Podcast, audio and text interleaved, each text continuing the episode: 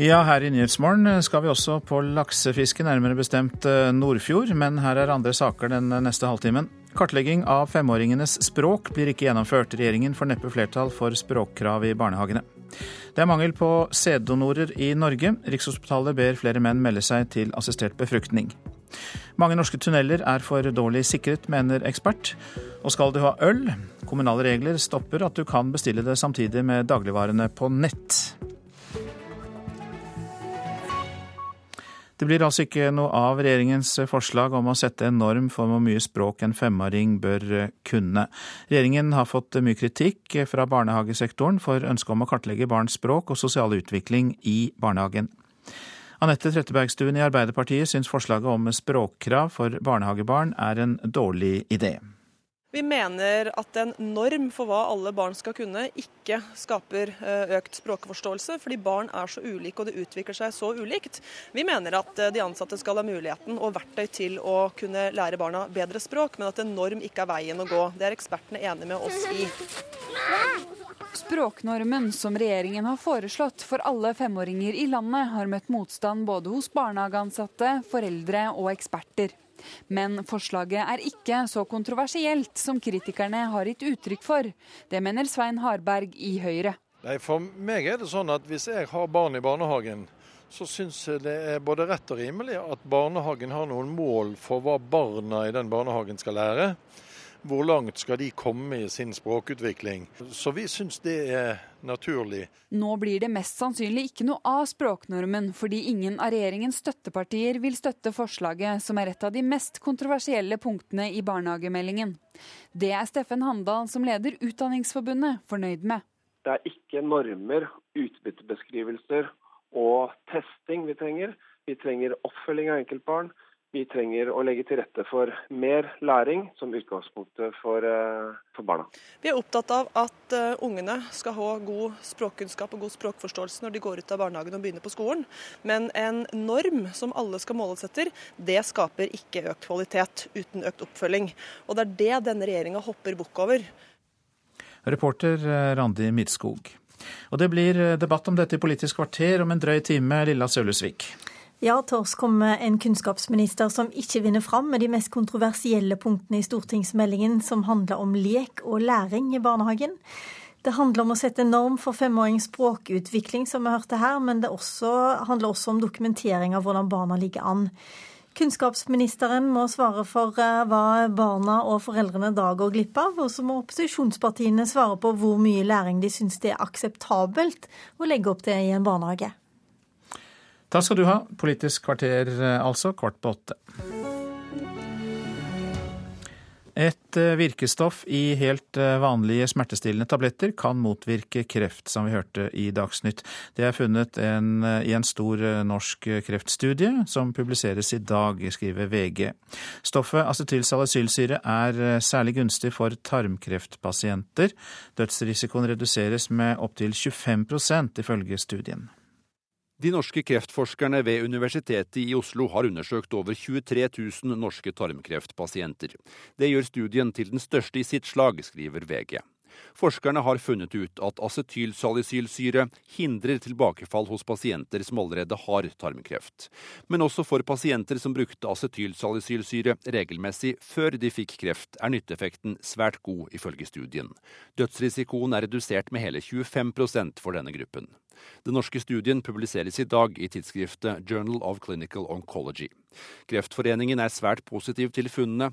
Generalsekretær Anne Lise Ryel sier til VG at dersom inntak av en så enkel og rimelig medisin kan bidra til betydelig reduksjon for tilbakefall etter operasjon for tarmkreft, er det svært gode nyheter. Og dette stoffet, acetylsalicylsyre, finnes i bl.a. Eh, aspirin og Dispril, men eh, forskerne advarer mot egenmedisinering, fordi dosene i disse tablettene er langt høyere enn det som brukes i kreftforebygging. Reporter var Fredrik Lauritzen. Så tar vi med oss det avisene for øvrig er opptatt av i dag. Jeg ble det nordmenn hater mest, sier en 28-åring fra Kenya som kaller seg Mikael. Han ble en kriminell asylsøker, et gatebarn Norge ikke klarte å ta vare på. Flere enslige mindreårige kommer nå til Norge, og Dagbladet omtaler dem i sin serie som de kaller Skyggebarna. Erna Solberg truer nei-kommunen, er oppslaget i Klassekampen. Statsministeren kan komme til å ta makt og oppgaver fra småkommuner som har sagt nei til sammenslåing, og pålegge dem interkommunalt samarbeid. Innvandring og ledighet er på topp blant det nordmenn mener er våre største utfordringer, mens klimaendringer faller på denne listen, kan vi lese i Dagsavisen. Men klimabarometeret viser at det er større uro for klimaet blant de unge. Med et eh, amerikansk fond i ryggen vil eh, investoren Christian Siem skape en gigant innen offshore service, skriver Dagens Næringsliv. Ved hjelp av et fond på to milliarder kroner vil Siem restrukturere den norske krisebransjen. Forsvaret er redd for å gjøre feil etter tidligere tabbesalg, kan vi lese i Aftenposten. Nå står 50 eh, beltevogner til en innkjøpspris på 150 millioner kroner ubrukt, men de blir heller ikke solgt. Offisersforbundet og eksperter er overrasket over at vognene ikke utnyttes bedre. Halleluja for Per Sandberg er oppslaget i Finansavisen. Fiskeriministeren ble før jul beskyldt for å vite for lite om fisk, men nå står bransjen med åpne armer, ifølge avisa. Sandberg lover nye oppdrettskonsesjoner og at norsk sjømatindustri skal femdobles. Vil gi 50 millioner kroner til Tine-konkurrenter, er oppslaget i Nasjonen. Landbruksminister Jon Georg Dale vil øke konkurransen i meieribransjen og gjøre distribusjonstilskuddene selskapsnøytrale. Bondelaget ber Stortinget stoppe forslaget. Tjente millioner på IT-selskap satser nå på fiskeboller. Nordlys skriver om Eivind Simonsen, som bruker gevinsten fra databransjen til å investere i Vesterålen-konsernet med de velkjente fiskebollene i grønne og hvite hermetikkbokser. Og I tillegg til fiskebollene satser de på oljer, fileter og enzymer fra torskelever. Ja, vi fortsetter med fisk, faktisk. For eh, laksefisket starter ved midnatt eh, flere steder i landet. Og reporter Harald Kolseth, du er i Eidselva i Nordfjord i Sogn og Fjordane. Så beskriv stemningen der. Den er utrolig vakker, altså. Det er litt sol som skinner gjennom eh, tåka over Vedvikenibba, som det heter. Det er en liten, liten bris, og det synger fugler i skogen. Og elva velter seg forbi oss nedover mot eh, sjøen. Full av laks, skulle jeg nesten tru. For her står han Tor Østengen og har dratt på land årets første fisk i Eidselva. En nydelig, flott eh, gammel laks, som en sier her, på ti kilo. Og hvordan gikk dette for seg, Tor? Det gikk eh, enkelt og greit føre seg, det. Jeg var heldig og trakk en fin fiskeplass som jeg har stor tro på på åpningsdøgnet, som heter Reitan. Og der fisker jeg mye med spinner nedpå. Og det var ikke veldig mange kasta før at eh, det var fast fisk. Og 14 minutter over midnatt så kunne jeg løfte den opp og være veldig fornøyd med årets første og en knallbra åpning. Hvor lang tid brukte du på å lande beistet, da? Jeg tror ikke det tok mer enn fem minutter. Jeg var ganske hardhendt nedpå der, for der kan du ikke slippe den ut av hølen. Så det var mye brems og mye krefter. Men da var du fornøyd? Jeg var veldig fornøyd, og er fortsatt veldig fornøyd. Men det var bror din som egentlig skulle fiske der, eh, som trakk loddet først? Han trakk den fiskeplassen, men så tilbød han seg å bytte med meg. For at jeg har vært heldig nedpå der før, og han syns ikke at han får noe drag på den fiskeplassen, selv om vi har øvd oss i 52 år her så syns han fortsatt ikke at han får til den plassen. Sven Morten Eikeseth, leder i Eidsportsfiskarlaget. Hva er rapporten fra Eidselva, som er middels god lakseelv her i landet? Ja, nå er det jo fem-seks timer ute i eh, døgnet, og så langt så vet jeg om eh, fem lakser som er landa. Og det er her i øvre del av elva at eh, fangstene er tatt. Hvordan er egentlig forholdene? De er gode. Temperaturen den ligger på 9,5 grad, målt nå i natt. Lufttemperaturen er fin og litt sånn trykkende vær. Så forholdene er gode, og fisk vet vi har gått opp. Sønnen din hadde på en stor laks? Ja, det stemmer. Sønnen min var med eh, på åpninga. Jeg hadde kort, og det var ikke bare en sju-åtte kast, så var det storlaks på. Og den holdt han på med i åtte-ni minutter. Og ja, tre-fire meter fra land og med bra sidepress, så, eh, så kom, eh, kom, sluken i retur. Hva sa han da? Han sa ikke stort, men jeg var veldig skuffa, ja. Det var det, altså. ja, på hans sine vegne så hadde det, men eh, sånn er det med fiske. Det, vi kan ikke garantere fangsten på land hver gang. Tror eh, dere reiste 52 år fra Oslo hit og fiska. Hvorfor? Det har noe med det at vi trives utrolig godt i Eidselva. Vi har hatt med mange forskjellige hit og fiske gjennom de åra. Nå er vi en liten gjeng på fire-fem som er faste her. Men eh, det er folk som fisker i de store, kostbare, dyre trønderelvene. De sier at eh, du må, være, må få ti lakser der for å veie opp for én i Eidselva. Det er en krevende elv. Sier Tor Østengen, storlaksefiskeren i Eidselva i natt. Mange takk for den rapporten blant entusiastene der, Harald eh, Kolseth. Så til eh, vintersport, eh, for langrennsfolket er delt i synet på stakefrie soner i langrenn for å bevare klassisk stil. Og for å unngå at tradisjonell langrennsteknikk forsvinner, så vurderer altså FIS å innføre forbudssoner. Men NRKs langrennekspert Carl Henning Gran syns ikke det er riktig vei å gå umiddelbart så syns jeg det høres ut som et lite gufs fra fortiden, den gangen vi holdt på med skøytefrie soner på 80-tallet. Jeg tror vi må la idretten få lov å utvikle seg selv. De beste utøverne vil alltid utvikle idretten og ta den et steg videre. Jeg tror ikke vi skal prøve å stoppe den. I stadig flere klassiskrenn så velger utøverne å gå på blanke ski og stake seg rundt. Men en forbudslinje fra FIS er komplisert. Gran får støtte i sitt syn av Thomas Alsgaard. Dette minner om 80-tallet, da man forsøkte å stoppe skøyting. Det blir vanskelig, for eh, vi har vært inne dette før på 80-tallet. Da var det skøytingen, og det var skøyteforbud og skøytefrie soner. Det som er forskjellen den gangen, er at eh, på 80-tallet, når disse forbudene kom, så var det ikke noe alternativ. Alle skiløperne måtte forholde seg til det. I dag er det alternativ. Frykter du at klassisk stil kommer til å forsvinne helt? Ser vel konturene av at det kan bli borte. Jeg har sagt det før, jeg sier igjen. altså. Det er, eh, det er en stor fare for det. Og i hvert fall nå som det er kommet så langt. Eh, det man må gjøre noe med, det er traseene. Blant løperne er synet på stakeforbud mer delt. Therese Johaug og Marit Bjørgen mener noe må gjøres for å berge diagonalgang og dobbelttak. Både på jente- og guttesida så tror jeg det er viktig å ta vare på, på klassisk eh. Eh, og ikke minst for, eh, for, de yngre som kommer opp. Jo, jeg er jo på en måte positiv til det. For jeg tror jo det er viktig å på en måte redde den klassiske stilarten òg. Så at vi det kan jo fort bli at uh, hvis det fortsetter sånn, så at vi kanskje har bare skøyting, så er jo det er jo for å kunne, redde på en måte begge stilartene. Vi ikke tenker på minst uh, kanskje yngre løpere, så ikke de starter med kun å stake og glemmer den diagonale og klassiske delen helt. Og Tanken er jo at dette her skal føre til at folk tvinges til å smøre skia. Altså du vil få én konkurranseklasse med smorning. Ehm, jeg må også si at jeg er skeptisk til forslaget, så det er sagt. Eh, og jeg er ikke sikker på om det kommer til å fungere. Men ved at vi åpner for det reglementet, så vil vi iallfall få nyttig erfaring for å kunne ta videre beslutninger om en to-tre år. Det sa lederen av langrennskomiteen i Det internasjonale skiforbundet, Vegard Ulvang, og reporter her, det var Pål Thomassen.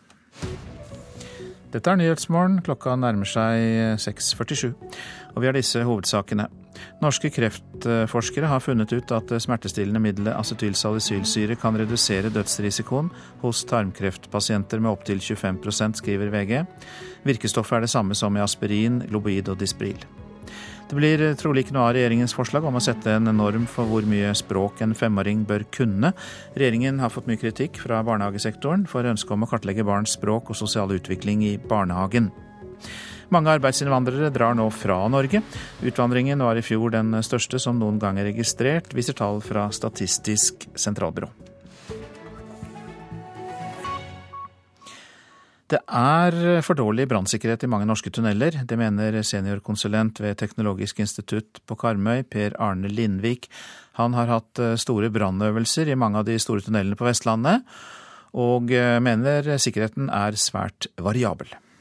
Vi sliter med masse gamle tunneler som nå bl.a. satt av masse penger til oppgradering på. Og den oppgraderingen den eh, foregår kontinuerlig. Men fortsatt er det veldig mange eh, gamle tunneler som, som ikke er oppgradert. Når det gjelder de nye tunnelene, så, så, har jo det en helt annen standard enn de tidligere. og eh, der er det jo to hovedtyper med tunneler. Det er jo ettløps- og toløpstunneler. Og der er det jo stor forskjell på, på risikoen i de forskjellige typene tunneler.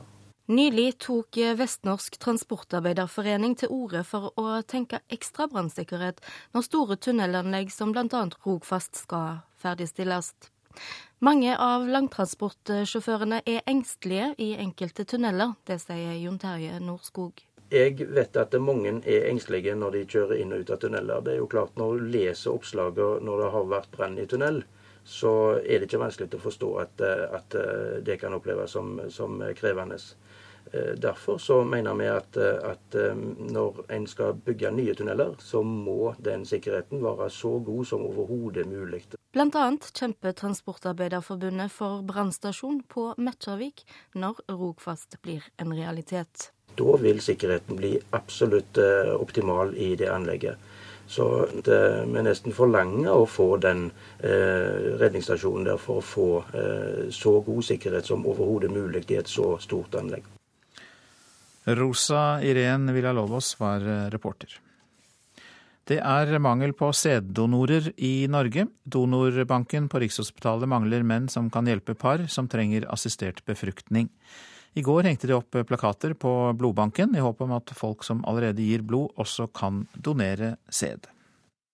Da henger vi også en på inngangsdøren, der hvor blodgiverne går inn til eh, blodbanken.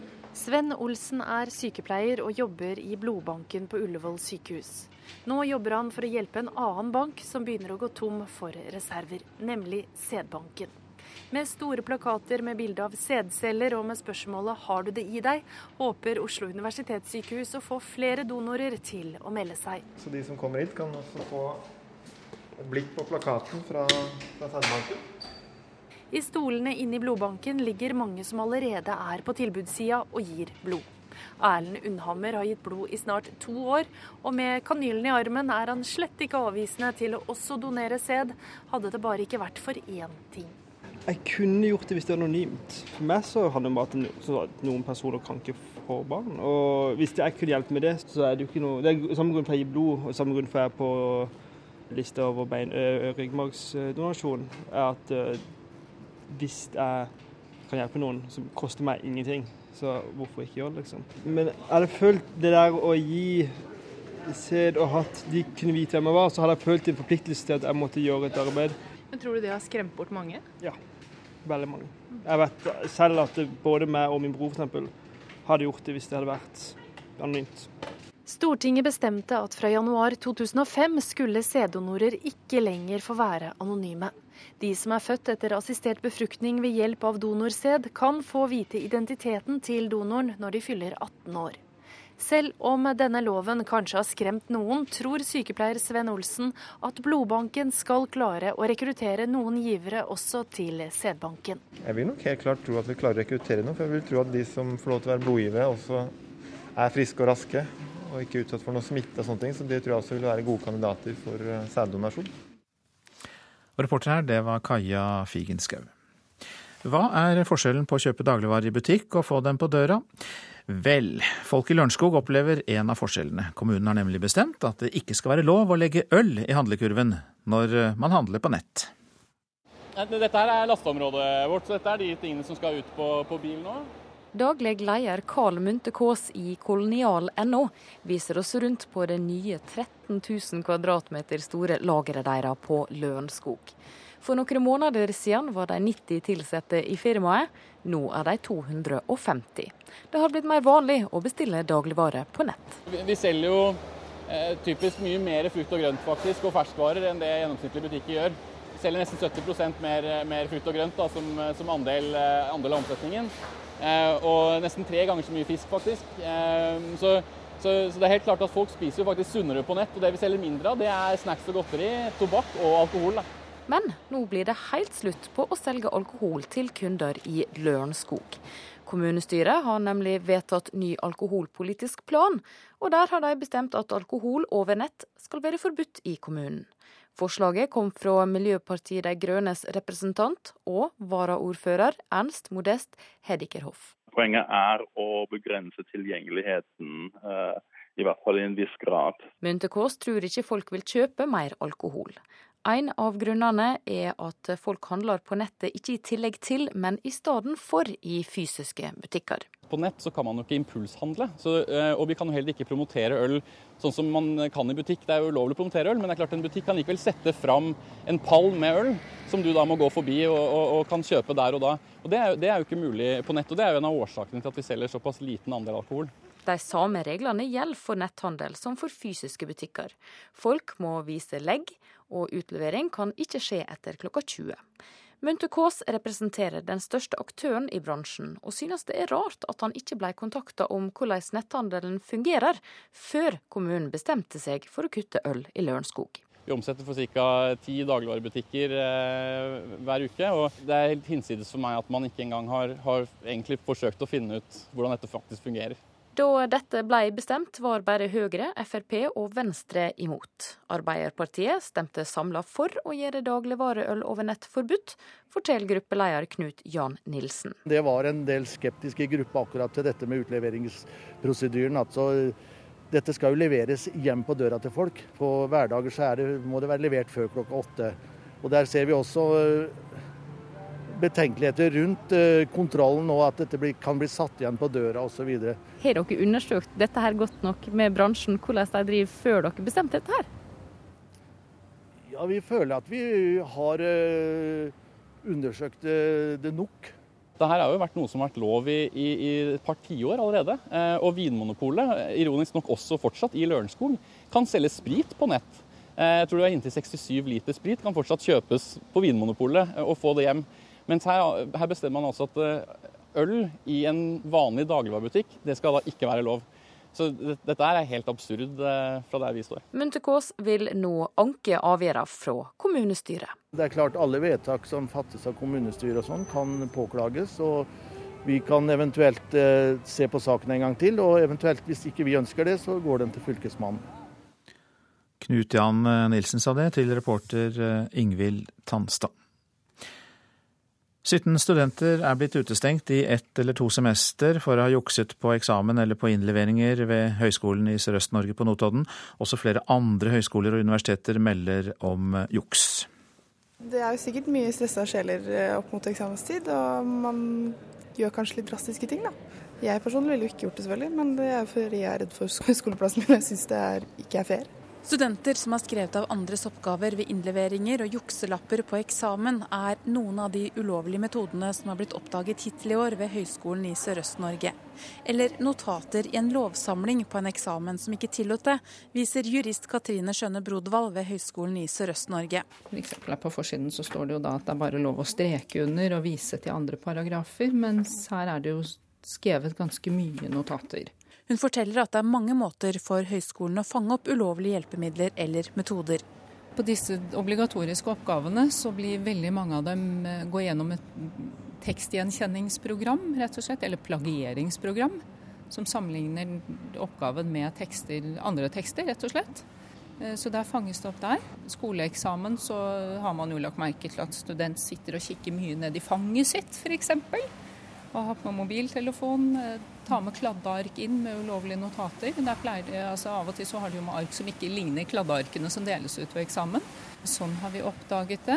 Antall juksesaker har økt ved Høgskolen i Sørøst-Norge hittil i år. I hele fjor behandlet høyskolene i Vestfold, Telemark og Buskerud 22 saker som endte med reaksjoner. I januar ble de tre høyskolene til Høgskolen i Sørøst-Norge 17 saker har klagenemnda behandlet hittil i år ved skolen. Hit kommer saker der man mener studentene har fusket med vilje, eller burde ha forstått at metodene ikke er lovlige. Og I disse sakene så ender det stort sett alltid med utestengelse. To semestre eh, for forsett, og ved grov aktsomhet så er det ett semester. Det er også vanlig praksis i hele landet. Pluss at de får oppgaven sin, eller eksamen annullert i tillegg. Også ved andre høyskoler og universiteter i Norge jukses det. Universitetet i Bergen behandlet ti saker for fusk på innleveringer og eksamener til og med april i år. NTNU opplyser at klagenemnda der behandlet 14 saker hittil i år. Norges største universitet, Universitetet i Oslo, har hatt en økning i antall saker i klagenemnda de siste årene. 48 saker som bare gjelder juks på eksamen, har klagenemnda behandlet hittil i år, forteller prorektor Ragnhild Hennum. Ja, jeg tenker først og fremst at vi har uh, større oppmerksomhet knytta til uh, fusk på eksamen. Og at vi har bedre verktøy for å oppdage det. Og derfor oppdager vi noe flere tilfeller enn det vi gjorde tidligere. Læreskolestudentene Ine Skog og Ida Bøhmer ved Høgskolen i Sørøst-Norge mener langt flere jukser enn de som blir tatt. Det overrasker meg at tallet er så lavt når det er snakk om plagiat også. Jeg har hørt om eh, studenter som har sendt lapper til hverandre i eksamenslokalet. Lapper som har blitt klistra opp på toalettene, som man har gått ut og sett på underveis, bl.a. Jeg har til og med hørt om de som har gitt fra seg kladden sin til en annen person i samme eksamenslokale før de har gått ut. Men det kan hende at disse har blitt straffa, da? Det kan godt hende, men jeg tror det er veldig mange som jukser som ikke blir tatt også, dessverre.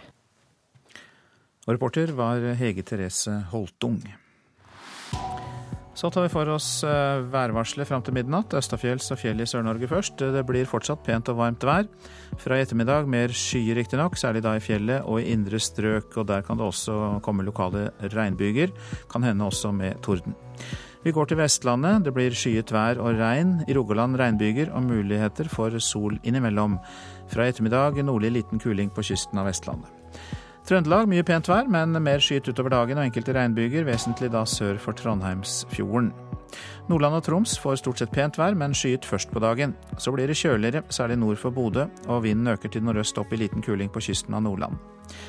Finnmark liten kuling i øst og for det meste skyet vær med spredte regnbyger. I resten av Finnmark lange perioder med sol og stort sett opphold. Spitsbergen litt regn og yr, utpå dagen stort sett opphold. Og så tar vi med oss temperaturer, da, målt klokka fem. Svalbard lufthavn eh, tre, Kirkenes og Vardø sju, Alta åtte, Tromsø-Langnes sju, Bodø elleve, Brønnøysund ti, Trondheim-Værnes tolv. Molde 13, Bergen 14, Stavanger 15, Kristiansand 17, Gardermoen 13, Lillehammer 12, Røros 8 og Oslo-Blindern 17 grader. Og Nyhetsmorgen fortsetter med disse sakene. Arbeidsledigheten øker kraftig blant eldre. Finansnæringen bruker sluttpakker for å erstatte eldre med yngre. Mange arbeidsinnvandrere reiser. Utvandringen fra Norge i fjor var den største som noen gang er registrert. Og vi spør om boikotten av Russland sprekker. Presidenten i EU-kommisjonen skal på besøk. Det samme skal Norges fiskeriminister Per Sandberg. Og Bodø er kåret til Norges mest attraktive by. Det skal vi også feire litt her i Nyhetsmorgen. Stadig flere eldre går altså uten arbeid. En ny rapport viser at arbeidsledigheten blant eldre har gått opp med 20% det siste året. Og nå er det mange som frykter at eh, seniorene blir presset ut eh, av jobbene sine. Finansforbundet mener at finansnæringen bruker sluttpakker og andre lignende tiltak for å få de eldre ut og sette inn de yngre. Jeg var sint, og jeg var skuffa og, og lei meg. Øyvind Brendelien var tilbudt sluttpakke før han hadde nådd pensjonsalder, og takka ja, selv om det ikke var det han egentlig hadde tenkt seg. Det var jo noe jeg ikke hadde tenkt meg. Jeg hadde jo tenkt jeg skulle være i Statoil eh, til jeg ble, gikk av som ordinær eh, pensjonist. Og sånn at eh, det var Det er jo et sjokk å få. Pål Berens i Finansforbundet tror mange seniorer blir pressa ut av jobbene sine. Ja, det vi ser, det er jo at 55 pluss-generasjonen nå i større grad forlater arbeidslivet med en sluttpakke. Og Det er et problem både for virksomhetene, den enkelte ansatte og for samfunnet. Eh, og de så å si opplever å, å, bli presset ut og ikke lenger være ønsket i virksomheten. En rapport som kom ut i dag, syner at arbeidsløysa blant eldre folk nå skyter fart. Det siste året har den økt med 20 Runa Kerr i Finans Norge representerer bedrifter i finansnæringa, og hun sier at det for dem ofte er helt nødsynt å satse på ung arbeidskraft. Eh, det er mange bedrifter som i dag ivaretar kompetansen til de eldre. Imidlertid så trenger vi ny kompetanse, eh, og det er det ofte yngre arbeidstakere som har. Hvorfor kan ikke bare eldre lære seg det? Dette tar tid. En slik kompetanse tar tid å lære, eh, og finansnæringen trenger det nå. Pål Berens i Finansforbundet er ikke samd. Han tror ikke det er lurt for bedrifter å kvitte seg med de eldre. Nei, vi mener at det er svært uklokt. Vi mener at 55 eh, pluss eh, er eh, meget verdifull arbeidskraft. De er lojale, de er dedikerte, de har høy realkompetanse og er godt rustet til å utføre de arbeidsoppgavene virksomheten krever fremover. Reporter her, Alexander Åsnes. Kari Østerud, velkommen hit. Takk skal du ha. Du er daglig leder ved kompetansesenteret Senter for seniorpolitikk. Dere står bak denne rapporten. Hva er det mest oppsiktsvekkende du fant i den? Rapporten viser at eh, arbeidsledigheten øker eh, for så vidt i alle aldersgrupper, men den øker veldig mye mer blant de eldste. Eh, og det er en trend som vi ikke har sett tidligere. Heller ikke tidligere kriser med høy arbeidsledighet så har som regel seniorene kommet ganske godt ut av det. Nå ser det ut som at vi har en helt annen utvikling enn vi har sett tidligere. Vi hørte jo i saken at flere eldre får sluttpakker, blir tilbudt det som et slags pressmiddel kanskje til og med. Men det kan jo også kanskje være gunstig etter et langt arbeidsliv? Selvfølgelig, og for noen eh, eldre arbeidstakere så er disse eh, sluttpakkene veldig attraktive. Eh, men for veldig mange så er nok disse sluttpakkene skrudd sammen sånn at du rett og slett ikke kan takke nei. Og for de aller eldste så vil det bety at du forlater arbeidslivet en gang for alle. Kanskje mye tidligere enn du egentlig hadde tenkt. Hva er det i dem som gjør at de ikke kan si nei? Eh, vi ser at de mest gunstigste sluttpakkene eh, kan kompensere for opptil eh, seks år i arbeid. Så de er, altså de er, rett og slett veldig gunstige. Og så vet vi det at altså mange av disse sluttpakkene kommer gjerne fra 58 år og eldre.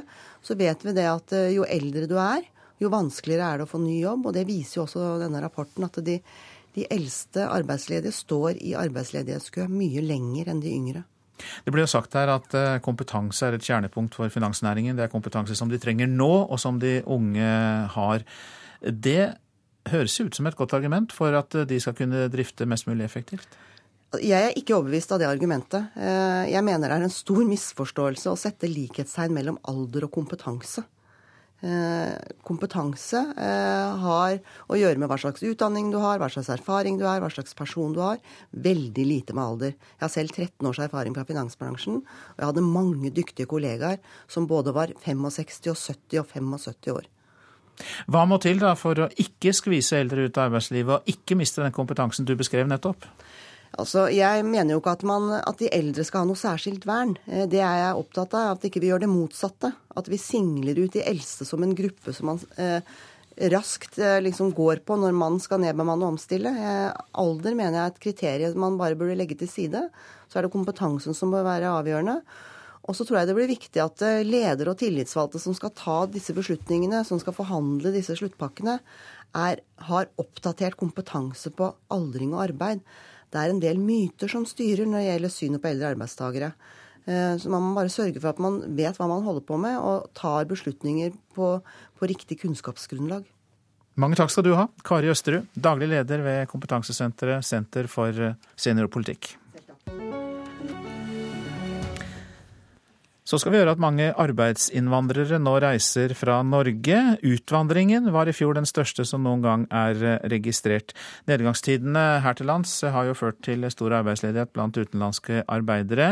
Og ledige polakker er blant de som nå oppsøker Nav-kontoret i Bergen sentrum bl.a. for å søke råd og få hjelp. I forrige uke for eksempel, var det en mann i alder 50 som har bestemt å reise tilbake til Polen hos Nav i Bergen sentrum er det mange som trekker kølapp denne formiddagen.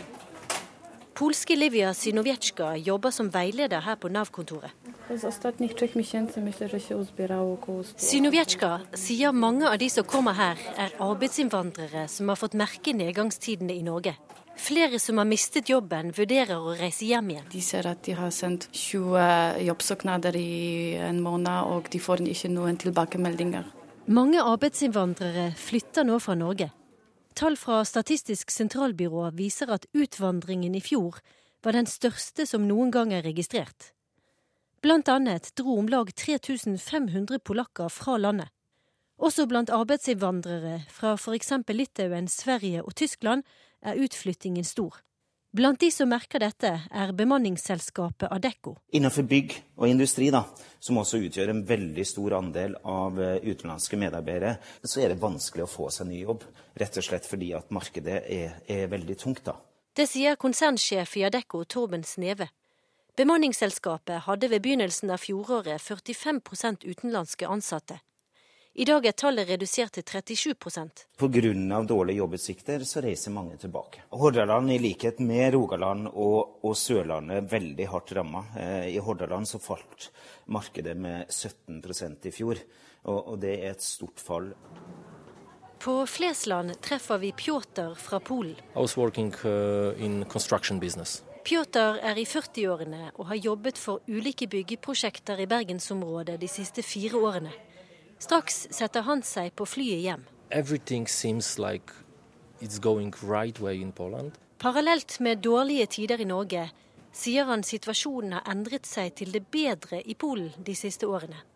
Med gode engelskkunnskaper er han blant de som har god sjanse til å få seg nytt arbeid her i landet. Men nå har han fått seg jobb i byggebransjen i hjemlandet, og han tror ikke han kommer tilbake til Norge for å jobbe. Really to, to hos Nav i Bergen sentrum treffer vi Jartrud Yndestad. Her inne har vi det som vi kaller behovsvurderingsrommet vårt. Hun er avdelingsleder på kundekontoret, og sier de har ansatt hele tre polske medarbeidere for å håndtere pågangen. Hver torsdag fra klokka ni til klokka elleve så har vi åpen dag for eh, polske arbeidssøkere. Da er det smekkfullt eh, her ute. og Da er det kø i gangen fra klokka halv ni om morgenen. Nav-veileder Anna Siviera sier arbeidsinnvandrerne som ikke behersker norsk eller engelsk, er de som nå sliter mest med å få seg ny jobb. Det er mye snakk til å, å reise hjem, så folk er bevisst at situasjonen er vanskelig på arbeidsmarkedet. Denne reportasjen var laget av eh, Siri Løken.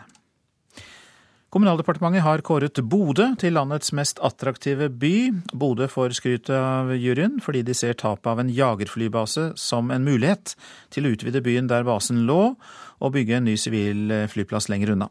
Også innbyggerne er fornøyde med prosjektet Ny by, ny flyplass. Jeg tror det blir ganske bra. Får jo mer plass å bygge på.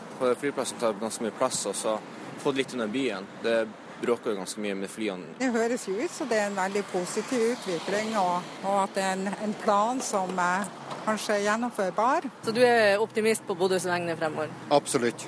I statuttene heter bl.a. at prisen skal fremheve og belønne nyskapende tiltak som fremmer bedre miljø, helse og levekår i byer og tettsteder. Ordfører Ida Pinnerød fikk beskjeden overbrakt av kommunalministeren i går kveld, og hun var naturlig nok glad for prisen.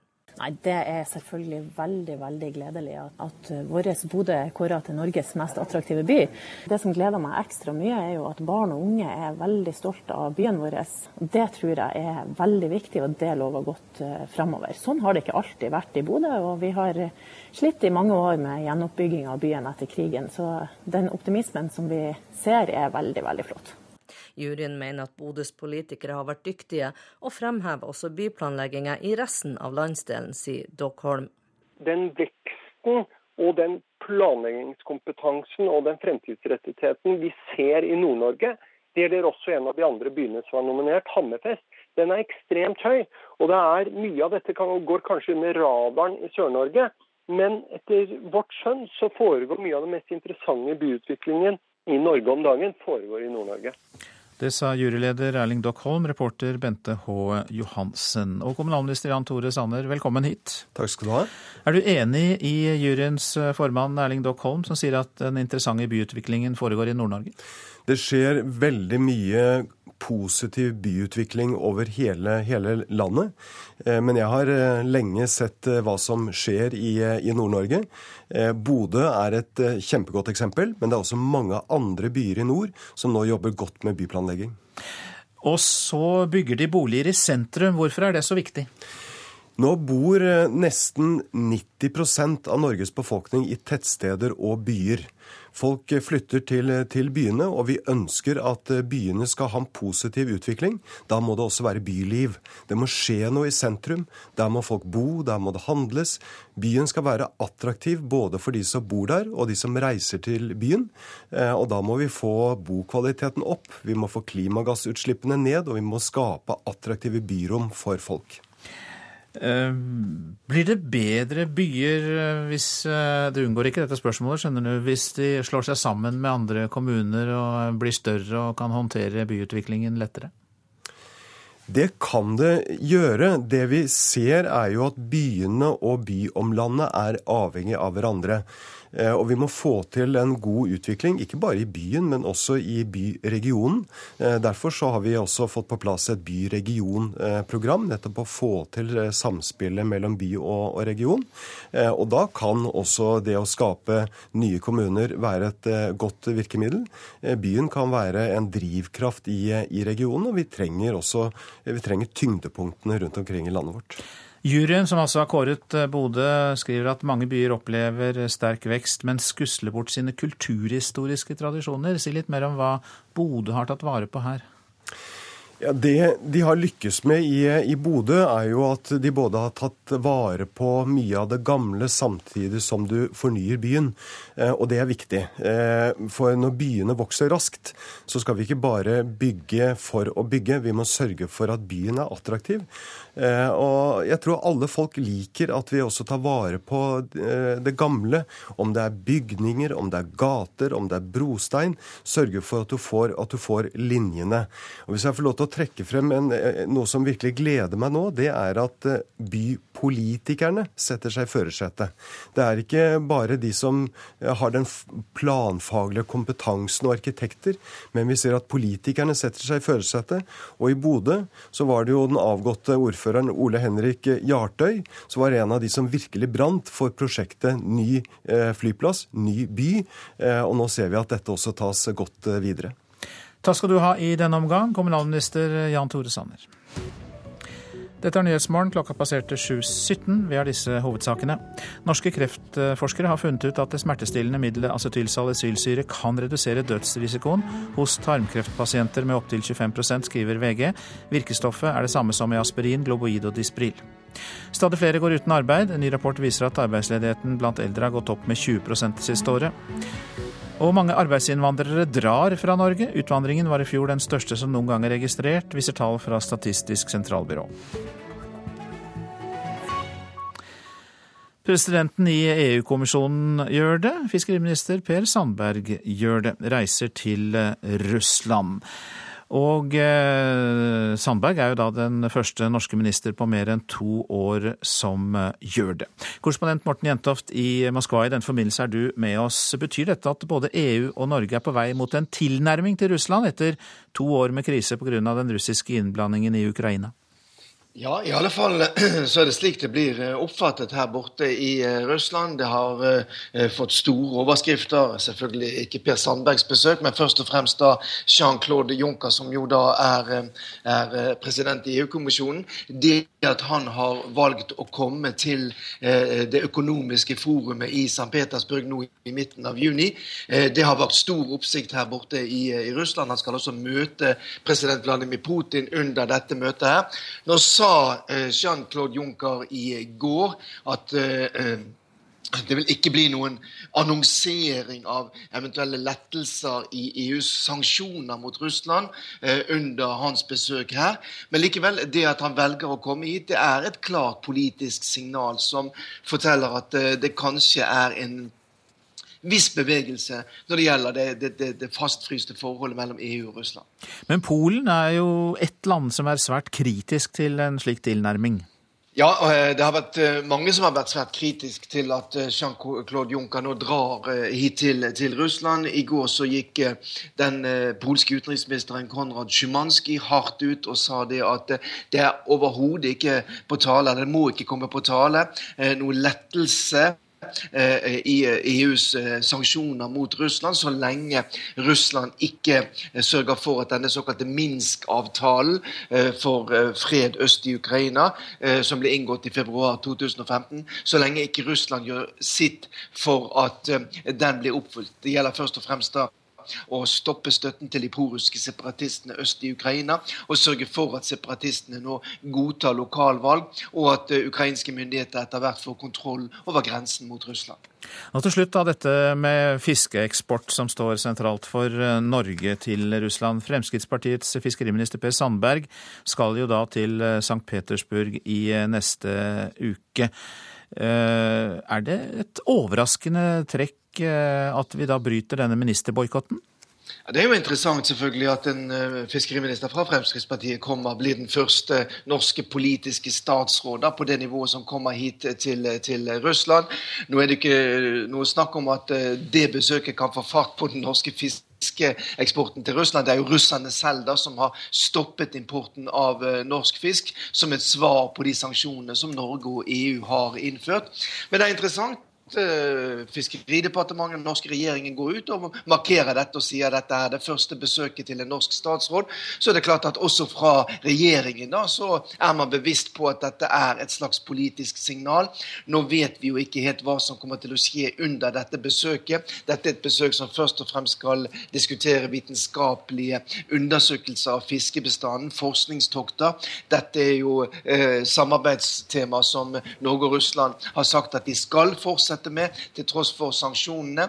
Men likevel det at en norsk statsråd deltar på et møte med eh, kollegaer både fra Russland og Canada, eh, Island, i Russland. Det er interessant og eh, utvilsomt et politisk signal. Morten Jentoft i Moskva, mange takk skal eh, du ha. Nå til Utenriksdepartementet i USA, som eh, advarer sine borgere mot å reise til Europa i sommer pga. faren for terrorangrep. I et reiseråd sier amerikanske myndigheter at de frykter at terrorfaren i Europa har økt siden angrepene i Brussel 22.3.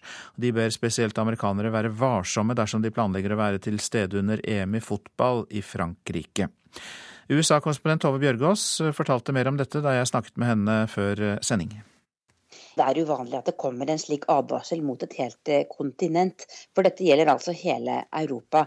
Eh, USA kom med en lignende advarsel etter terrorangrepene mot Brussel 22.3, men nå er det altså et reiseråd som gjelder fram til 31.8 for hele Europa, eh, og som spesielt da knytter seg til store arrangementer. Frankrike og EM advares det spesielt mot, men er det også andre europeiske land som nevnes spesielt? Ja, Frankrike nevnes faktisk også i forhold til eh, Tour de France. Og i tillegg så advares det mot eh, det katolske store ungdomsarrangementet Youth Day, som finner sted i Krakow i Polen i slutten av eh, juli. Men amerikanerne advarer spesielt mot, mot å delta på arrangementer der det er veldig mange mennesker som amerikanske myndigheter mener kan være lokkende åsteder for de som måtte planlegge terrorangrep i Europa. Så man advares også mot kollektivtransport, kjente turistmål og restauranter i storbyer. Er dette så sterke advarsler at det kan tenkes at amerikanerne konkluderer med at nei, vi drar ikke til Europa i sommer? Talsmannen for Utenriksdepartementet som holdt en pressekonferanse her i går kveld, sa at han ikke ber amerikanerne avlyse europaferien. Det er jo veldig mange amerikanere som f.eks. har tenkt seg til eh, fotball-EM. Men det er klart at eh, et slikt eh, råd som er såpass omfattende som dette, det, er jo mange som er urolige. og og De har jo sett nå hva som har skjedd i, i Europa det siste året. Eh, og franske myndigheter har også sagt at de mener de fortsatt ikke har pågrepet alle som planlegger terror eh, mot f.eks. Frankrike. Eh, så jeg tror nok mange amerikanere vil, vil tenke seg om en gang til etter at dette reiserådet kom. Kan bakgrunnen for dette være at amerikansk etterretning sitter på opplysninger som europeiske land ikke har? Det er jo slik at man utveksler etterretningsinformasjon i svært stor grad. Det er nok slik at amerikanerne har, har ofte nesten bedre etterretning også om, om, mange europeiske land. Men spesielt etter det som har skjedd det siste året, så har det vært en veldig eh, stor utveksling av etterretningsinformasjon. Eh, amerikanske myndigheter sier altså at de ikke sitter på informasjon nå om spesifikke terrortrusler, men at den samlede informasjonen de sitter på som gjelder Europa, gjør at de altså går til det skrittet å komme med dette reiserådet. Så tar vi en titt på det avisen er opptatt av i dag. Jeg ble det nordmenn hater mest, sier en 28-åring fra Kenya som kaller seg Mikael. Han ble en kriminell asylsøker, et gatebarn Norge ikke klarte å ta vare på. Flere enslige mindreårige kommer nå til Norge, og Dagbladet omtaler dem i sin serie som de kaller Skyggebarna. Erna Solberg truer nei-kommunen, er oppslaget i Klassekampen. Statsministeren kan komme til å ta makt og oppgaver fra småkommuner som har sagt nei til sammenslåing, og pålegge dem interkommunalt samarbeid. Innvandring og ledighet er på topp blant det nordmenn mener er våre største utfordringer, mens klimaendringene faller på listen, kan vi lese i eh, Dagsavisen. Med et amerikansk fond i ryggen vil investoren Christian Siem skape en gigant innen offshore service, skriver Dagens Næringsliv. Ved hjelp av et fond på to milliarder kroner vil Siem restrukturere den norske krisebransjen. Forsvaret er redd for å gjøre feil etter tidligere tabbesalg, kan vi lese i Aftenposten. Nå står 50 beltevogner til en innkjøpspris på 150 millioner kroner ubrukt, men de blir heller ikke solgt. Offisersforbundet og eksperter er overrasket over at vognene ikke utnyttes bedre.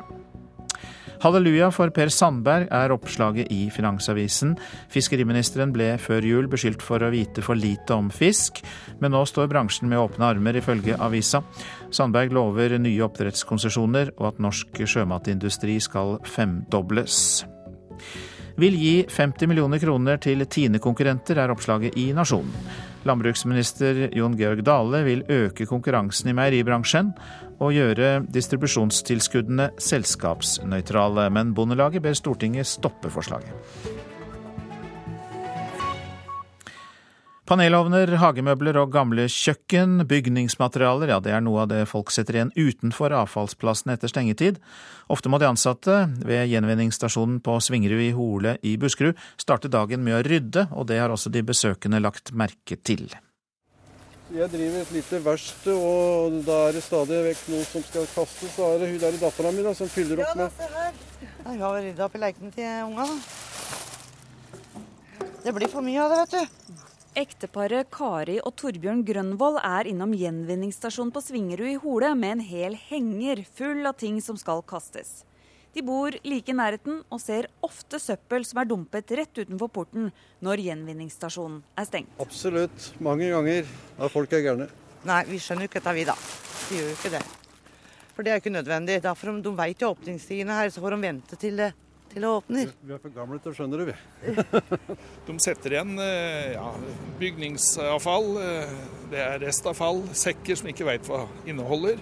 Det kan være kjemikalier, det har vi opplevd her også, og det, det ønsker vi ikke. Det er farlig for, også for andre kunder som kommer da. Forteller en fortvilet HMS-ansvarlig i Hadeland og Ringerike avfallsselskap, Tom Finnerud. Han forteller at alle deres fem gjenvinningsstasjoner sliter med dette, og at de ansatte på Svingerud nærmest hver morgen møtes av nye hauger med søppel. Nesten daglig blir det satt igjen eh, ting her fra, fra, kunder som da egentlig burde komme i åpningstida, og som vi ønsker, da, men eh, de setter igjen utenfor porten her, og så må vi rydde opp. Dere ser på dette som miljøkriminalitet? Det gjør vi. For det er jo eh, Vi skal ivareta miljøet. Og vi veit jo ikke helt hva som blir lagt utenfor der. Og når vi kommer og skal rydde opp da, så er jo vi Vi er jo fagfolk som, som kan det, men det, det vi også tenker på, er jo andre som kommer da og kan rote i det før vi får tak i det. Og det kan være farlig. Innimellom klarer man å finne ut hvem som eier avfallet. Tom Finnerud forteller at en person nylig fikk 8000 kroner i bot. Ja, noe klarer vi å finne ut. For vi, vi jo, vi prøver å sjekke eh, om vi finner noe papir eller noe dokumentasjon på hvem som har kasta dette. Og, og så anmelder vi det da til politiet. Vedkommende blei litt overraska når dere tok kontakt? veldig overraska. For jeg ringte jo først vedkommende og, og gjorde dem klar over det. Og, og, politiet kom da i etterhånd, og de regner jeg med ikke kommer igjen. Det er, det, det er jo det som er. Først da kommer de og sier at dette gidder vi ikke å dra med og se med at vi setter det utafor. Det går ikke an, vet du. Det gjør jo ikke det. Men det er enkelte som gjør det, da. Ja. Tenker at alle andre skal rydde opp for dem. Reportasjen var laget av Anette Skafjell.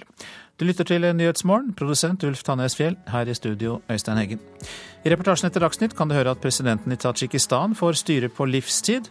Opposisjonen er feit til side, og folket skal ifølge offisielle medier være grenseløst begeistret. Og her i Nyhetsmorgen fortsetter vi med disse sakene. Rekordmange utenlandske arbeidere reiser nå fra Norge. Billig medisin som har vært på markedet i årevis, kan redde tarmkreftpasienter. USAs utenriksdepartement advarer amerikanerne mot terror i Europa i sommer. Og Venezuela risikerer å bli utestengt fra Organisasjonen for amerikanske stater. Ja, mange arbeidsinnvandrere reiser nå fra Norge. Utvandringen var i fjor den største som noen gang er registrert. Nedgangstidene her i landet har ført til stor arbeidsledighet blant utenlandske arbeidere. Ledige polakker er blant de som nå oppsøker Nav-kontoret i Bergen sentrum for å søke råd og få hjelp. I forrige uke for eksempel, var det en mann i alder 50 som har bestemt å reise tilbake til Polen. Hos Nav i Bergen sentrum er det mange som trekker kølapp denne formiddagen. Polske Livia Synowiecka jobber som veileder her på Nav-kontoret. Synowiecka sier mange av de som kommer her, er arbeidsinnvandrere som har fått merke nedgangstidene i Norge. Flere som har mistet jobben, vurderer å reise hjem igjen. De ser at de har sendt 20 jobbsøknader i en måned, og de får ikke noen tilbakemeldinger. Mange arbeidsinnvandrere flytter nå fra Norge. Tall fra Statistisk sentralbyrå viser at utvandringen i fjor var den største som noen gang er registrert. Blant annet dro om lag 3500 polakker fra landet. Også blant arbeidsinnvandrere fra f.eks. Litauen, Sverige og Tyskland er utflyttingen stor. Blant de som merker dette, er bemanningsselskapet Adecco. Innenfor bygg og industri, da, som også utgjør en veldig stor andel av eh, utenlandske medarbeidere, så er det vanskelig å få seg ny jobb. Rett og slett fordi at markedet er, er veldig tungt, da. Det sier konsernsjef i Adecco, Torben Sneve. Bemanningsselskapet hadde ved begynnelsen av fjoråret 45 utenlandske ansatte. I dag er tallet redusert til 37% Pga. dårlige jobbutsikter så reiser mange tilbake. Hordaland, i likhet med Rogaland og, og Sørlandet, veldig hardt ramma. Eh, I Hordaland så falt markedet med 17% i fjor, og, og det er et stort fall. På Flesland treffer vi Pjotr fra Polen. Uh,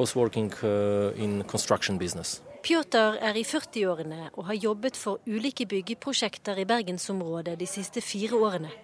Straks setter han seg på flyet hjem. Like right Parallelt med dårlige tider i Norge sier han situasjonen har endret seg til det bedre i Polen de siste årene. Med gode engelskkunnskaper er han blant de som har god sjanse til å få seg nytt arbeid her i landet.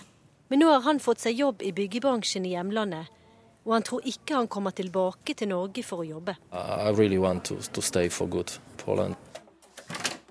Hos Nav i Bergen sentrum treffer vi Jartrud Yndestad. Her inne har vi det som vi kaller behovsvurderingsrommet vårt. Hun er avdelingsleder på kundekontoret, og sier de har ansatt hele tre polske medarbeidere for å håndtere pågangen. Hver torsdag fra klokka ni til klokka elleve så har vi åpen dag for eh, polske arbeidssøkere.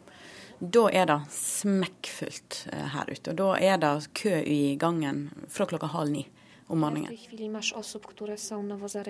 Nav-veileder Anna Siviera sier arbeidsinnvandrerne som ikke behersker norsk eller engelsk, er de som nå sliter mest med å få seg ny jobb. Det er mye snakk til å, å reise hjem, så folk er bevisst at situasjonen er vanskelig på arbeidsmarkedet. Og reporter var eh, Siri Løken. Stadig flere eldre går uten arbeid. En ny rapport viser at arbeidsledigheten blant eldre har gått opp med 20% det siste året. Nå er det mange som frykter at eh, seniorene blir presset ut av jobbene sine. Finansforbundet mener at finansnæringen bruker sluttpakker og andre lignende tiltak for å få eldre ut og sette inn yngre arbeidskraft. Jeg var sint, og jeg var skuffa og, og lei meg. Øyvind Brendelien var tilbudt sluttpakke før han hadde nådd pensjonsalder, og takka ja selv om det ikke var det han egentlig hadde tenkt seg. Det var jo noe jeg ikke hadde tenkt meg. Jeg hadde jo tenkt jeg skulle være i Statoil eh, til jeg ble, gikk av som ordinær eh, pensjonist. Og sånn at eh, det var Det er jo et sjokk å få. Pål Berens i Finansforbundet tror mange seniorer blir pressa ut av jobbene sine. Ja, det vi ser, det er jo at 55 pluss-generasjonen nå i større grad forlater arbeidslivet med en sluttpakke. Og Det er et problem både for virksomhetene, den enkelte ansatte og for samfunnet. Eh, og de så å si opplever å, å bli presset ut og ikke lenger være ønsket i virksomheten. En rapport som kom ut i dag, syner at arbeidsløysa blant eldre folk nå skyter fart. Det siste året har den økt med 20% Kari Østrud ved Senter for seniorpolitikk står bak rapporten. Hun sier at samfunnet taper store summer på at eldre ikke jobber. Vi kan miste så mye som 30 000 årsverk. Og det kan utgjøre et samfunnsøkonomisk tap på 15 milliarder kroner. Østerud tror også at mange eldre blir pressa ut av arbeidslivet før de egentlig vil. Men jeg tror det handler om at det er mange over både 50 og 60 år. Og så kan det tenkes at uh, man har avgangsordninger som gjør det ekstra attraktivt for å kvitte seg med de eldste. De f.eks. får tilbud om sluttpakker. Og det kan være svært ugunstig. Altså, vi ser sluttpakker i veldig mange forskjellige varianter. Hvorfor takker noen ja til en sluttpakke som er veldig ugunstig? Det tipper jeg handler om at man ikke har noe alternativ. Da er, altså, enten er det ja til sluttpakka, eller så kommer det til å bli sagt opp. Runa Kerr i Finans Norge representerer bedrifter i finansnæringa, og hun sier at det for dem ofte er helt nødsynt å satse på ung arbeidskraft. Eh, det er mange bedrifter som i dag ivaretar kompetansen til de eldre. Imidlertid så trenger vi ny kompetanse, eh, og det er det ofte yngre arbeidstakere som har. Hvorfor kan ikke bare eldre lære seg det? Dette tar tid. En slik kompetanse tar tid å lære, eh, og finansnæringen trenger det nå. Pål Berens i Finansforbundet er ikke samd. Han tror ikke det er lurt for bedrifter å kvitte seg med de eldre. Nei, vi mener at det er svært uklokt. Vi mener at 55 eh, pluss eh, er eh, meget verdifull arbeidskraft. De er lojale, de er dedikerte, de har høy realkompetanse og er godt rustet til å utføre de arbeidsoppgavene virksomheten krever fremover. Reporter Alexander Åsnes. Nå til det VG i dag omtaler som et nytt kreftgjennombrudd, nemlig den norske studien som viser at acetylsalicylsyre har en svært gunstig effekt på tarmkreftpasienter. Studien ble publisert i tidsskriftet Journal of Clinical Oncology i USA i går. Og professor Kjetil Tasken, god morgen til deg. God morgen. Du har ledet studien, og du er da direktør ved Bioteknologisenteret og ved Norsk senter for molekylær medisin. Eh, kan du forklare for oss eh, hva dere har eh, funnet? Ja, vi, vi, vi har sett på pasienter som er i norske kreftregistre, som hadde tykktarmskreft mellom 2004 og 2011. Ca. 23 000 norske pasienter, og hvorav 6100 av de står på acetylsalicylsyre fordi de, det forebygger mot hjerte-karsykdom. Det har en svak blodfortynnende effekt. Eh, og så så vi om det påvirker risikoen for å få, uh, få tilbake tykktarmskreft hvis de har hatt tykktarmskreft. Uh, og det fant vi at vi gjør. Vi fant at risikoen hvis man har hatt tykktarmskreft, risikoen for å få tilbake kreftsykdommen hvis man står på acetylsalicylsyre og har tatt det mer enn seks måneder etter diagnose, er ca. 15% lavere. Eh, vi fant også at hvis man i tillegg tok acetylsalicylsyre før man fikk diagnosen, kreftdiagnosen, så er risikoen 25 eh, lavere eh, for at man skal få tilbake eller dø av sykdommen. Hvor overraskende var denne hva skal vi si, doble effekten av acetylsalicylsyre, både i forhold til hjerte og tarmkreft? Det, det har vært kjent fra før at acetylsalicylsyre kan påvirke risikoen for å utvikle kreft. Eh, eh, og, eh, og særlig tykktarmskreft. Men myndighetene har ikke villet anbefale at hele den friske befolkningen skal ta det, fordi i og med at det er svak blodfortynnelse, er det også, også assosiert med bivirkninger som hjerneblødning og blødning i maven hos noen få. Så kost-nytte-vurderingen tilsier at man ikke bør ta den. Vi tenkte, basert på våre egne funn, vi, vi har studert hvordan eh, immunkreften kan utslippe immunsystemet. Vi fant at acetylsalicylsyre også påvirker eh, hvordan eh, immunsystemet gjenkjenner kreften, eller hvordan det kan angripe kreften. At det demper det. Så vi tenkte at hvis man først har hatt kreft, så kan, det, eh, kan det kanskje effekten være enda større eller enda mer robust. For det er først etter at man har hatt kreft at immunsystemet gjenkjenner kreftcellene. Så derfor så vi på pasienter som allerede har hatt kreft, hvordan acetylsalicylsyre virker da. For da er kost-nytte-vurderingen annerledes. Risiko øh, og, og, i forhold til bivirkninger. Ja, da, da, da, er eh, fordelen med dette tross alt så stor at bivirkningen blir mindre vesentlig for den gruppen. Eh, det, det er det vi tenker. Mm. Um, men acetylsalicylsyre er jo et stoff mange har hørt om. Eh, bør man da på egen hånd eh, spise Dispril, Aspirin eller Globid?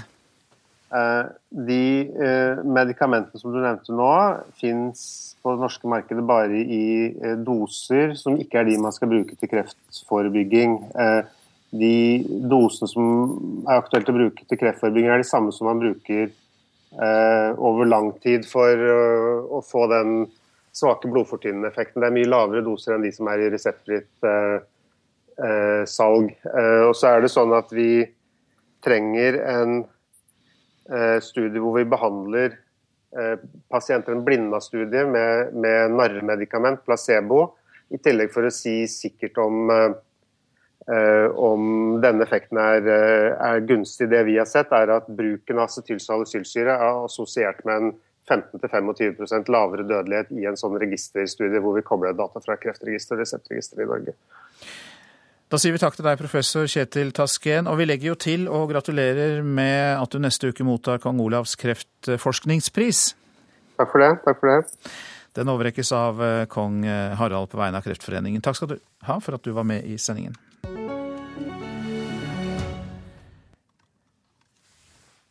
Sædbanken i Oslo mangler donorer. Stortinget bestemte i 2005 at sæddonorer ikke lenger kan være anonyme, og dette er trolig noe av grunnen til at færre ønsker å være donorer. Nå håper Oslo universitetssykehus å rekruttere blodgivere mellom 25 og 45 år, som kan tenke seg å hjelpe ufrivillig barnløse med å få barn.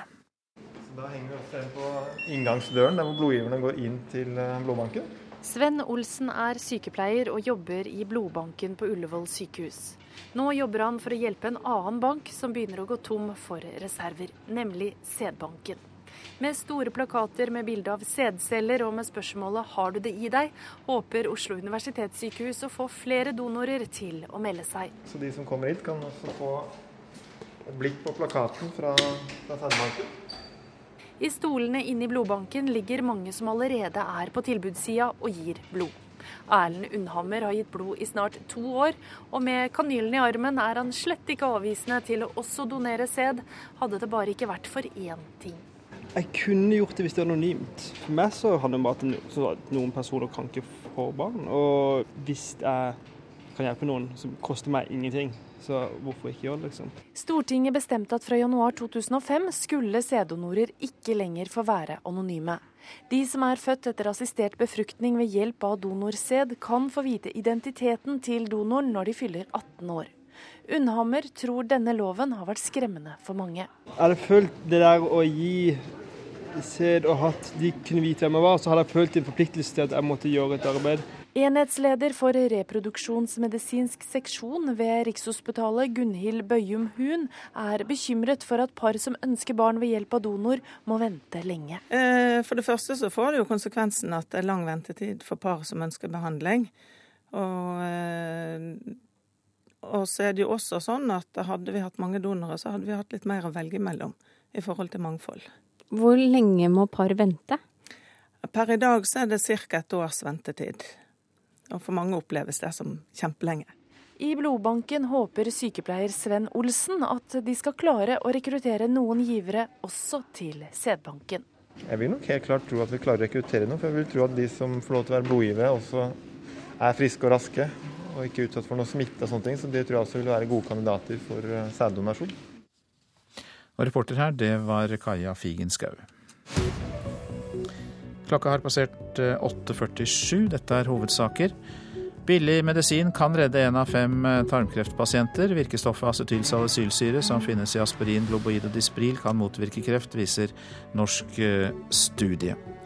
Det er en kraftig økning i tallet på arbeidsledige over 35 år. Over 55 år skal det være, selvfølgelig. Ledigheten blant eldre er gått opp med 20% det siste året. Mange arbeidsinnvandrere drar nå fra Norge. Utvandringen var i fjor den største som noen gang er registrert, viser tall fra Statistisk sentralbyrå. Og folk i USA blir advart mot å reise til Europa pga. terrorfare. Det skal vi høre mer om eh, snart. Nå om at Organisasjonen for amerikanske stater innkaller eh, Venezuela til et krisemøte. Landet blir beskyldt for eh, udemokratiske tiltak og risikerer utestenging. For somme en helt, for andre et misfoster av en Chávez-kopi. Slik roper president Maduro til ei mengde rødkledde arbeidsfolk. Et stort bilde av Hugo Chávez blant røde faner. Dette er heimearena. Maduro tar opp papirarket med beskjeden om krisemøte i Organisasjonen for amerikanske stater, OAS, og krav om folkeavstemning. Så tvinner han arket sammen til en smal rull. ponerla en un tubito bien fino y darle mejor uso, señor Almagro. Métase su carta democrática por donde le quepa. De kan dytte denne rullen en viss stad der den gjør bedre nytte, roper Maduro. Dette er retta spesielt til presidenten for nasjonalforsamlinga, der opposisjonen har flertall siden valget i desember i fjor. Opposisjonen ønsker OAS-krisemøtet velkomment. Forslaget er at Venezuela må ekskluderes. Maduro svarer med rettslige tiltak mot sin egen nasjonalforsamling. por usurpar funciones constitucionales I morgen vil utenriksministeren og statsadvokaten stevne nasjonalforsamlinga for å sette seg utover Grunnlova og de rettene som Grunnlova gir presidenten, sier Maduro og ropet hans får gjensvar hos folkemengda. Når han tørker svette av panna, ironiserer han over europeisk presse. Nå vil de ta bilde av meg og skrive at Maduro strever, han sliter. Men jubelen han får tilbake er ikke i nærleiken av den som Hugo Chávez omga seg med. For skakkjørt er ordet som stadig oftere blir brukt om det oljerike landet, Latin-Amerikas nest viktigste økonomi. Nå sliter folk flest med mat og medisin og lange køer. Sist helg slutta Lufthansa å fly til landet. I dag innstiller det største latinamerikanske flyselskapet Latam Airlines alle sine ruter til Venezuela. OPEC-landet med et folketall på over 30 millioner er i en alvorlig situasjon. Men president Maduro ser på Organisasjonen for amerikanske stater som USA-dominert, og avviser trusselen om utestenging som nok et tegn på at det er amerikansk innblanding som truger med å undergrave landet. Og han skriker stadig høyere om akkurat dette.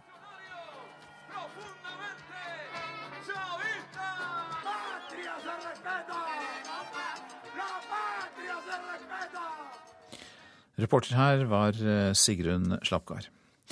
Utenriksdepartementet i USA advarer landets innbyggere mot å reise til Europa pga. faren for terror. Amerikanerne blir bedt om å være spesielt eh, varsomme dersom de drar til EM i fotball i Frankrike. Specific, um, events or in any particular place in Europe. Uh, this uh, alert vi kjenner ikke til en konkret terrortrussel noe bestemt sted i Europa, men utsteder likevel dette reiserådet basert på den samlede informasjonen vi sitter inne med, sier John Kirby, talsmann i det amerikanske utenriksdepartementet. Amerikanske borgere blir advart mot at terrorfaren i Europa vil være høyere enn vanlig i hele sommer, og reiserådet gjelder fram til 31. august. Amerikanske myndigheter mener store begivenheter som fotball-EM i Frankrike, Tour de France og det katolske ungdomsarrangementet Youth Day i Krakow i Polen i slutten av juli vil være attraktive mål for terrorgrupper. Men myndighetene ber også amerikanere være på vakt når de besøker kjente turistmål, populære restauranter og bruker kollektivtransport. John Kirby understreker at Utenriksdepartementet ikke ber amerikanere avlyse europaferien.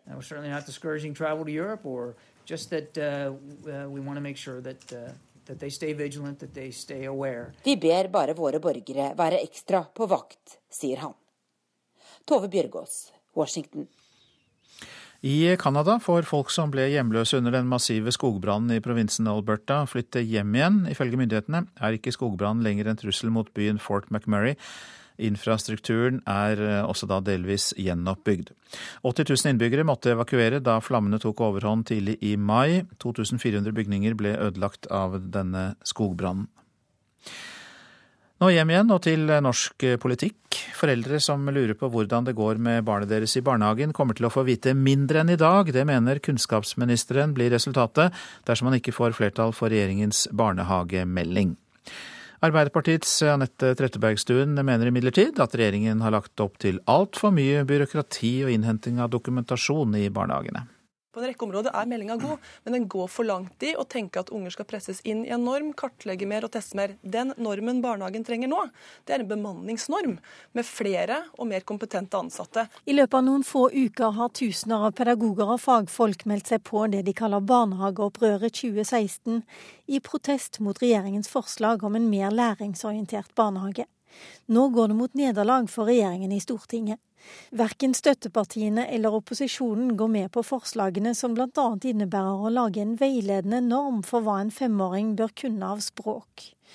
De stemmer også mot regjeringens forslag som skulle dokumentere bedre barnas ferdigheter. Det pålegger mer bruk av dokumentasjon. Det går utover personvernet til barna.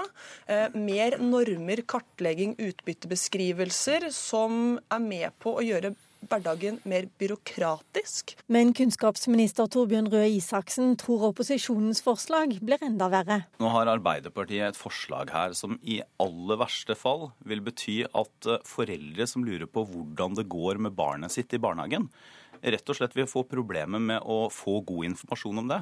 Fordi man risikerer å svekke det barnehagen gjør i dag, nemlig at de dokumenterer hva som skjer med barna. Kristelig Folkepartis Geir Bekkevold mener regjeringen har gått for langt i å gjøre barnehagen for lik skolen. Barn skal slippe å bli veid og målt i forhold til en norm, en fastlagt norm. Barn skal få lov til å bli målt i forhold til seg selv. Eh, og dette er noe med å ivareta den eh, gode norske barnehagetradisjonen som vi er så stolte av, og som også får stor internasjonal erkjennelse. Reporter her, det var Lilla Sølhusvik. Laksefiske startet ved midnatt eh, flere steder i landet. Litt tidligere i dag fikk vi denne skildringen fra Eidselva i Nordfjord i Sogn og Fjordane, fra vår reporter Harald Kolseth. Det er litt sol som skinner gjennom tåka over Vedvikenibba, som det heter. Det er en liten, liten bris, og det synger fugler i skogen. Og elva velter seg forbi oss nedover mot eh, sjøen. Full av laks, skulle jeg nesten tru. For her står han Tor Østengen og har dratt på land årets første fisk i Eidselva. En nydelig, flott eh, gammel laks, som en sier her, på ti kilo. Og hvordan gikk dette for seg, Tor?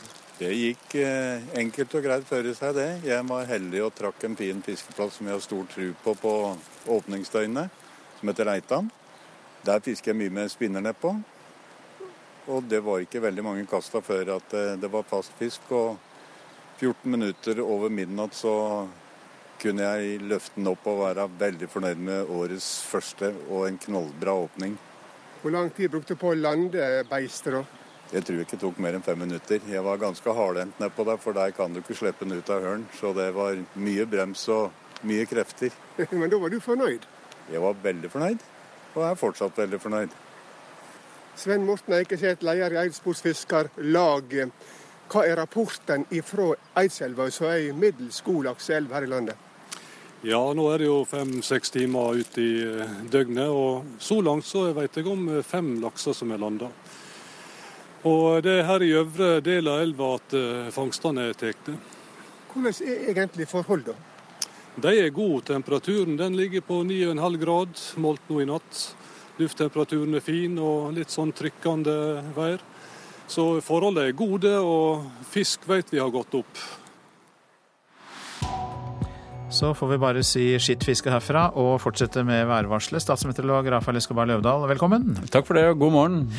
God morgen til deg. Eh, vi kan vel kanskje kort og godt si sol i nord og sør, men ikke i vest?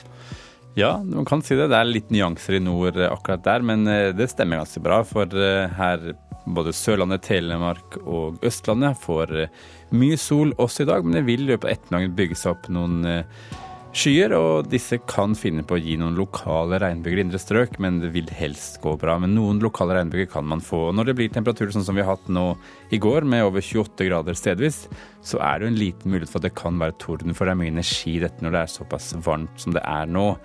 Vestlandet, som du sa, så er det jo mye skyer i forbindelse med et nedbørområde som ligger der. og Stedvis har det også vært tåke når du kommer opp til Møre og Romsdal, og etter hvert også litt inn i Trøndelag. Men i Trøndelag så blir det gradvis lett lettere før skyene fra Vestlandet vil komme etter hvert, i hvert fall til Sør-Trøndelag. Før vi slipper Vestlandet helt, så kan vi nevne at det er en nordøst opp i stiv kuling som ventes omkring Stad siste del av dagen. Ellers er det nordavind opp i en liten kuling. Og det tordna litt nå først på dagen omkring Stavanger-Haugesund. Det ser ut til å være en avtagende tordenfare. I nord, som du nevnte, mye sol, i Nordland i alle fall. Eh, det blir etter hvert sol i Troms og de indre strøkene av Finnmark, mens på kysten av Finnmark blåser en vestlig liten kuling, og det vil være nordskyer og kanskje et par dråper. Men i Alta mye bra, altså. Og så er det svært høye og behagelige temperaturer eh, flere steder. og Kommer det til å fortsette? Østafjells, altså Sørlandet, Telemark og Østlandet, så fortsetter det nok med temperaturer eh, sånn som vi har hatt nå, med 25 grader til og med fredag. Og så går det nok nedover når det blir helg.